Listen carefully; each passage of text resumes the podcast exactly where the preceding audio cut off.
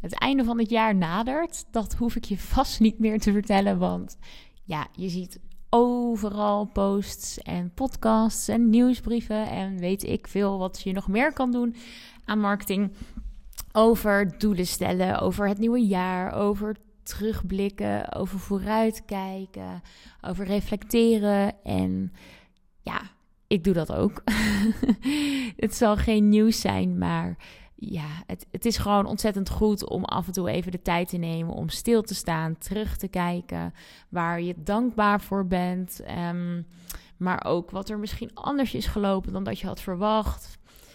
Ja, het is gewoon heel erg natuurlijk om in december, januari naar binnen te keren en eventjes te kijken hoe alles ervoor staat, wat je wensen en dromen zijn. En ik ben eigenlijk best wel benieuwd hoe jij het jaar afsluit.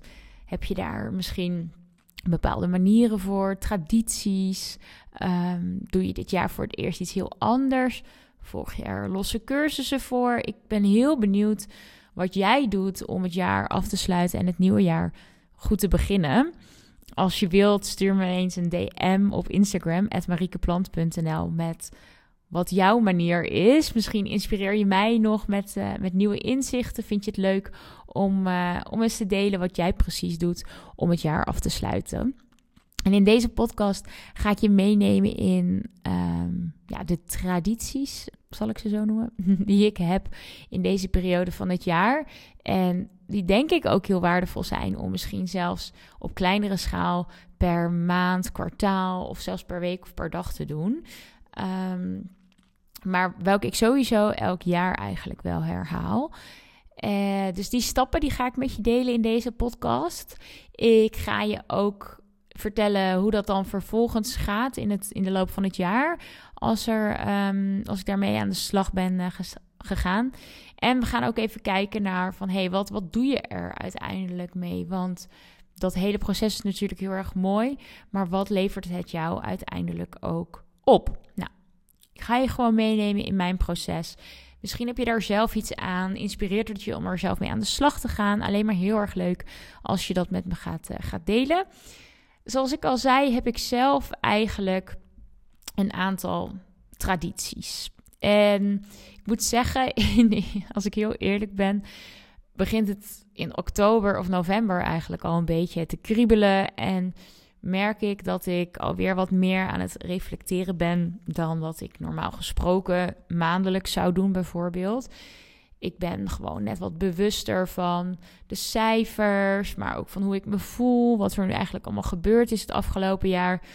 En daarin zit ook een mooie les voor mezelf, want ik geloof er zelf heel erg sterk in dat het goed is om dit ook maandelijks te doen. En ook in een kwartaal. En zoals ik net al zei, soms ook al op dagniveau. Gewoon eens kijken van, hey, leef ik nog steeds volgens het plan? Want weet je, als je vier weken verder bent, een maand is zo voorbij. Dus, dus het kan heel erg aan je voorbij gaan uh, als je niet oppast. Nou, even terug naar die stappen. Wat ik vaak doe, is toch allereerst wel echt eventjes duiken in mijn boekhoudprogramma. Ik gebruik zelf Moneybird. En ja, vind ik zelf heel erg fijn, heel overzichtelijk. En ook ja, lekker. Het, het, is makkelijk te koppelen aan allerlei dingen. Maar goed, dat is een ander verhaal. Ik blik terug op mijn resultaten. Dus ik ga letterlijk kijken van... hey, wat is er gebeurd qua omzet en qua kosten het afgelopen jaar? Ik vind het zelf gewoon bijster interessant. Ik weet dat er heel veel ondernemers zijn die juist die financiële kant helemaal als laatste doen. Maar zelf hou ik dit eigenlijk van maand tot maand en soms zelfs van week tot week al best wel goed bij.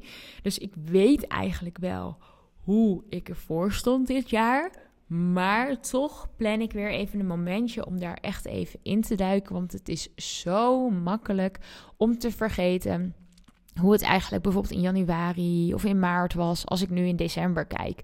Want ik heb zelf, um, nou, dit jaar valt dat eigenlijk wel mee. Maar ik weet nog dat ik vorig jaar rond deze tijd eigenlijk wel een dip had qua omzet. En dat ik echt dacht, nou, dit jaar is mislukt. Het gaat helemaal niet goed.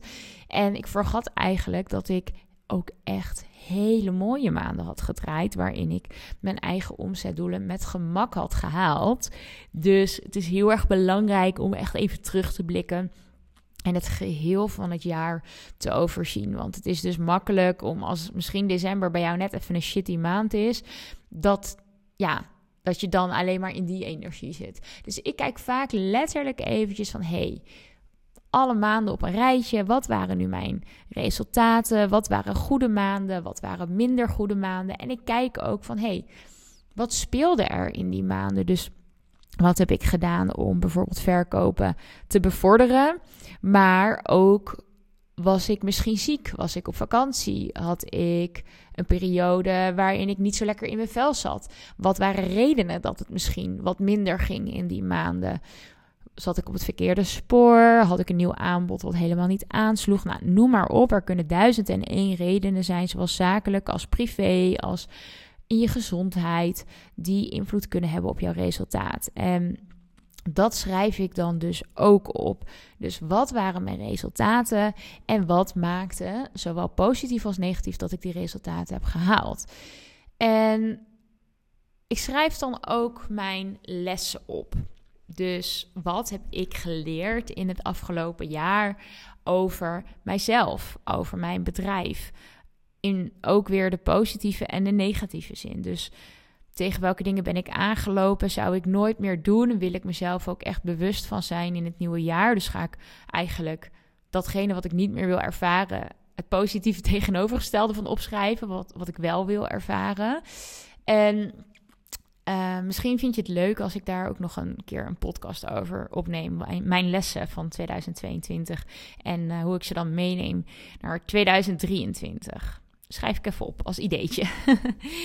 en um, ja, dan schrijf ik dus een samenvatting. Dus wat heb ik allemaal ervaren? Voor welke dingen ben ik dankbaar? Dus resultaten zijn niet alleen uh, de, de echte euro's, maar ook andere doelen die ik heb behaald. Dus ik schrijf op welke doelen ik had voor dit jaar.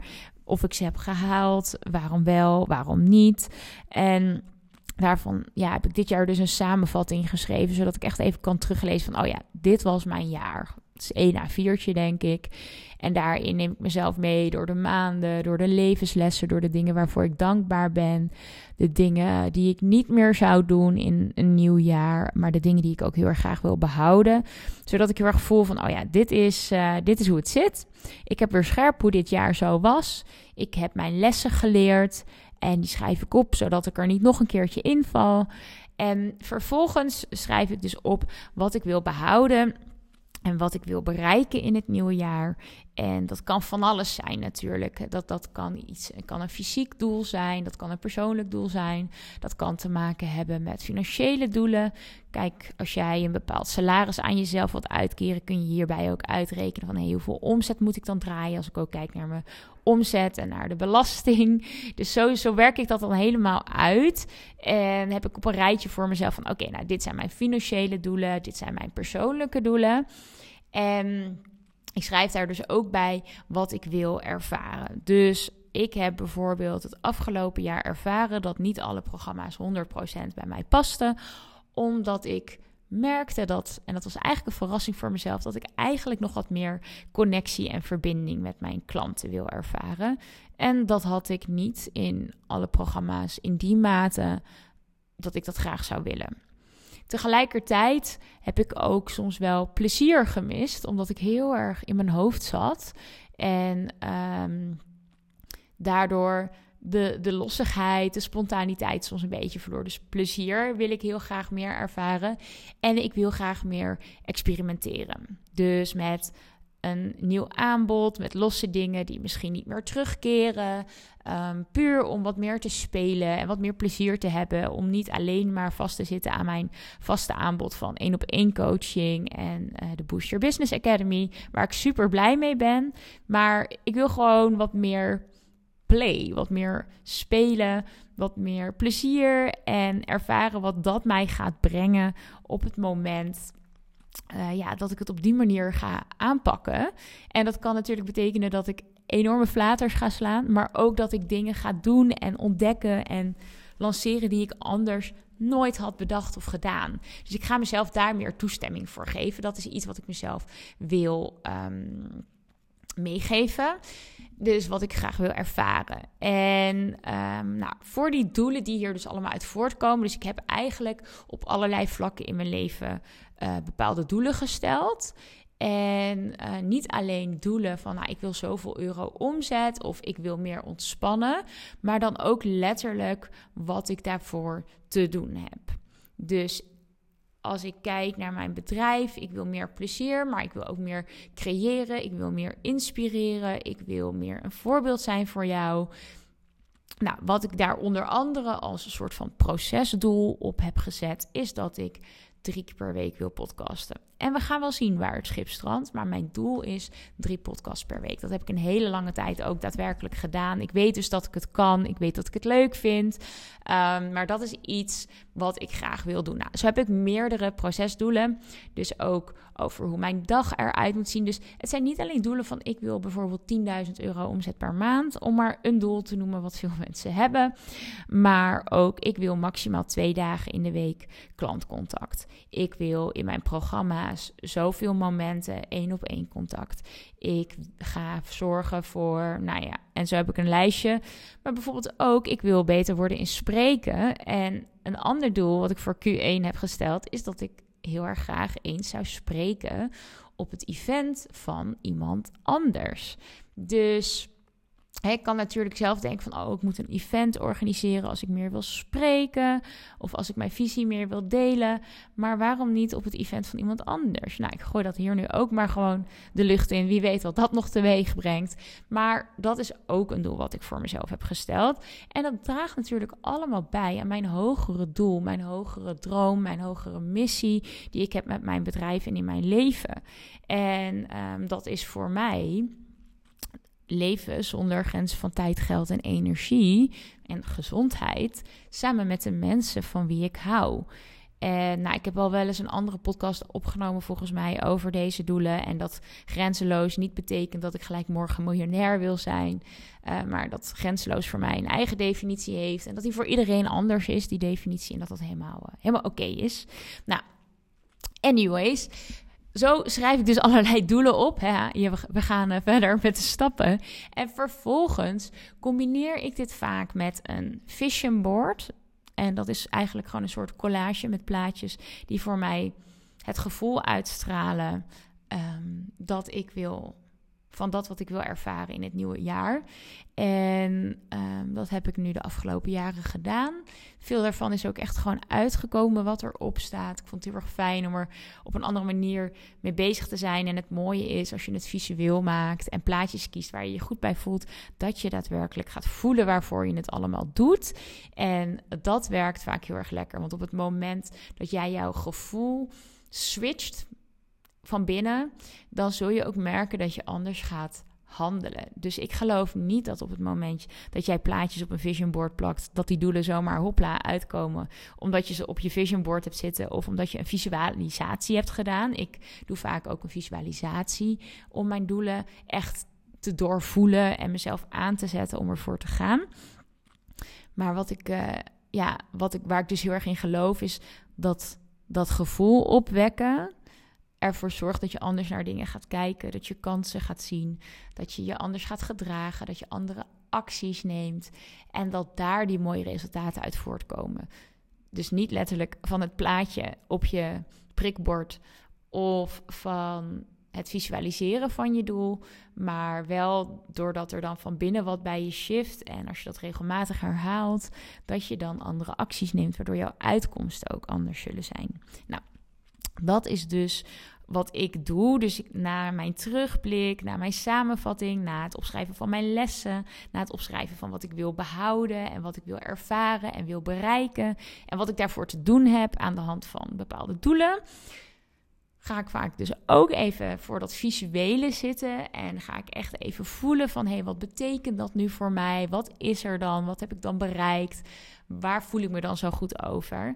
En uh, ik kan mezelf soms wel verliezen hoor in dit proces. Dus dan heb ik een Trello-bord gemaakt of een Notion-template. Misschien ken je dat systeem wel.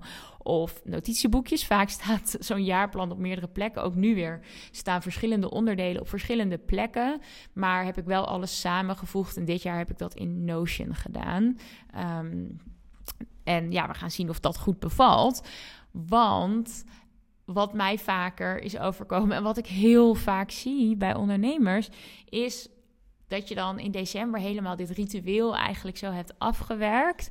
En uh, je bent helemaal ready voor. En dan komt er straks dat magische moment. Ik weet niet of jij al weet hoe je oud en nieuw gaat vieren. Ik ben nog eventjes uh, in dubio over wat ik ga doen met oud en nieuw. Soms zijn we met vrienden, waar bij ons komt het ook wel voor dat we eerst even langs de ouders van Bjorn gaan, daar een borreltje drinken. Dan langs mijn uh, eigen moeder en mijn oma voor een oliebolletje. en dan uh, dat we daarna naar vrienden gaan om echt even te proosten en lekker te borrelen op het nieuwe jaar. Dus ja, dan ik weet niet, ik vind die dag dan toch altijd echt wel iets magisch, iets bijzonders hebben. Ik voel dan vaak ook echt wel heel erg van, oh ja, dit is echt een nieuwe start. Misschien voel jij dat ook wel, dat je zo'n kriebel in je buik hebt. En dan, nou ja, als er dan een paar glaasjes bubbels in zitten, dan voel ik het nog meer. Dan wordt mijn fantasie helemaal geprikkeld en denk ik, oh, dit wordt echt een geweldig nieuw jaar. En dan slaat die klok 12 uur, dan voel ik dat nog steeds. Maar feitelijk is er natuurlijk eigenlijk helemaal niks veranderd.